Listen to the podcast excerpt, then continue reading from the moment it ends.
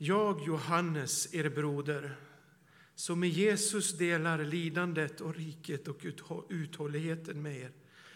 Jag befann mig på den ö som kallas Patmos för Guds ords och Jesu vittnesbörds skull.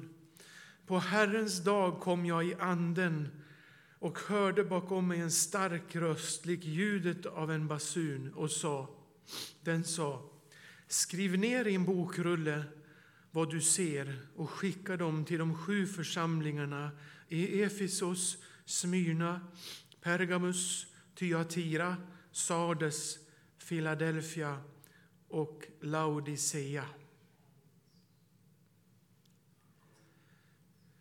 Ja, Jesus mötte mig verkligen här i bänken.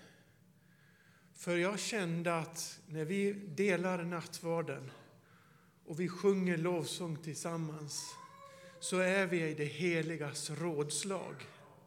Himlen är öppen. Det äldste i himlen sitter tillsammans med oss och vi får bli påminda om vilket rike vi är. Vi tycker att vi lever i en dystopisk tid, och det gör vi. Och det är lätt att bli förvirrad, både förtvivlad och uppgiven. Vi ser våld på hemmaplan i vårt land och vi ser hur det eskalerar. Hur man skjuter varandra, hur människovärdet bara sjunker allt mer. Och politikerna de står liksom rådlösa och vet inte vilka beslut och hur hårda de ska vara eller hur mjuk man ska vara. Och ute i världen så håller nationer och riken på att rusta sig och ska ta vara på sina intressen. Och vi lider varje gång vi hör rapporterna kommer ifrån Ukraina och det våld som ut, utspelas där. Och så har vi fått rapporter om en våldsam jordbävning i Turkiet och Syrien. Och då kan, det vara, kan man börja undra hur det ska bli. Men Johannes han skriver här i början av Johannes uppenbarelse. Jag, Johannes, er broder, som i Jesus delar lidandet och riket och uthålligheten, befann mig på den ö som kallas Patmos. Var det en semesterö? Man har en sån här trevlig ö man kan, man kan fläka ut sig på stranden och ha det mysigt några veckor och äta gott? Nej, det var en fruktansvärd ö. Det var en fångö. Han hade hamnat där för att han hade varit frimodig och vittnat om Jesus. Och det gillade inte myndigheterna.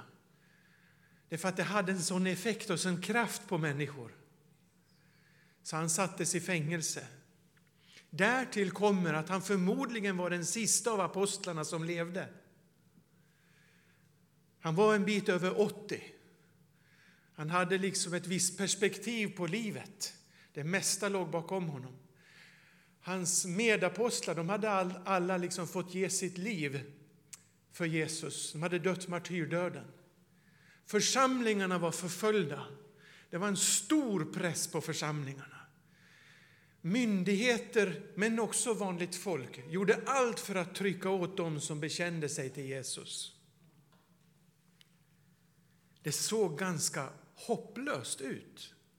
Hur skulle det gå för den här nya Messiasrörelsen i världen? Då får Johannes en vision om framtiden. Då säger Jesus till honom, kom hit upp så ska jag visa dig vad som ska hända. Och vilken vision han får. Där får han visionen om att Antikrist ska besegras av Jesus. Han får en vision om att djävulen ska kastas i den brinnande sjön. Och han får en vision om att Guds riket ska etableras på jorden. I eh, Uppenbarelseboken 22 så står det att han såg Guds brud komma ner från himlen. Guds stad komma ner från himlen klädd som en brud. Det är församlingen. han, Guds rike etableras. Det är framtidsvisionen.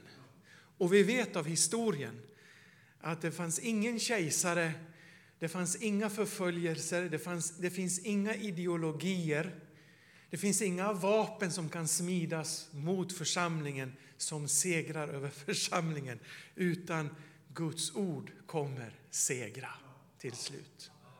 Amen. Och så avslutar Johannes sitt brev med att Jesus säger Jag kommer snart. Och så svarar församlingen genom Johannes Amen. Kom, Herre Jesus. En del säger att vi ska vänta på Antikrist. Det står det ju inte. Det står att vi ska vänta på Jesus. Han är vår frälsare. Han är vår konung. Jag kommer snart. Håll fast vid det du har. I honom finns seger och församlingen får svara Amen. Kom, Herre Jesus.